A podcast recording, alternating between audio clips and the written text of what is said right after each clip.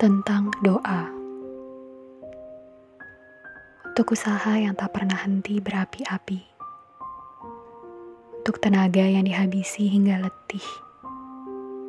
Untuk waktu yang lenyap dari hari ke hari. Untuk hati yang kelelahan menopang ego, mengajak mengalah berulang kali. Dan dari semua daya dan upaya diri, ternyata hasil selalu berhasil mengkhianati.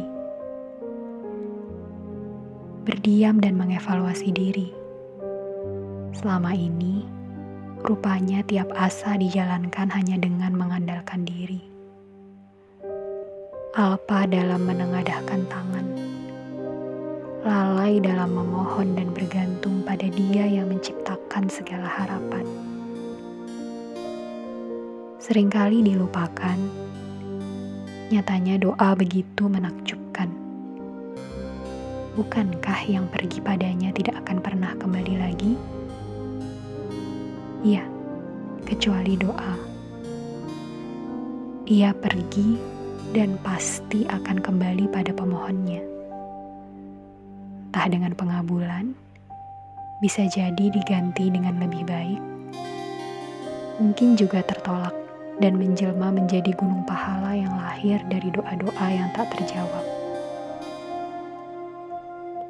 Tak jarang ia diabaikan, padahal doa teramat mengagumkan. Cukup dengan berbisik di bumi, ia akan mampu menembus langit. Katakan apa yang dipinta, ia akan sampai padanya tanpa diminta peduli di mana pun dan kapan pun, yang maha mendengar telah berjanji akan selalu mengabulkan. Dan tak sedikit pula dari kita, kerap kali bercakap-cakap penuh hasrat. Namun, selepas memanjat, tak pernah menaruh percaya walau sekejap pada yang maha dekat. Acap kali ragu dan juga cemas usai bersedekap tapi menuntut cepat terpenuhinya tiap harap yang terucap.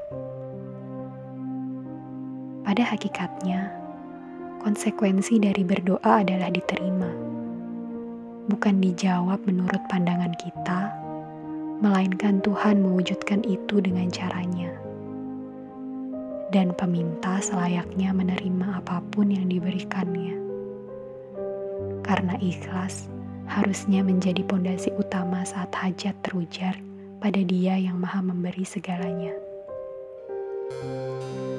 Selamat berdoa. Selamat menghamba kepada Sang Pencipta. Selamat mengadu tanpa takut menjadi kecewa. Sekali lagi, selamat berdoa dengan keyakinan penuh bahwa Tuhan Maha mengabulkan segala pinta.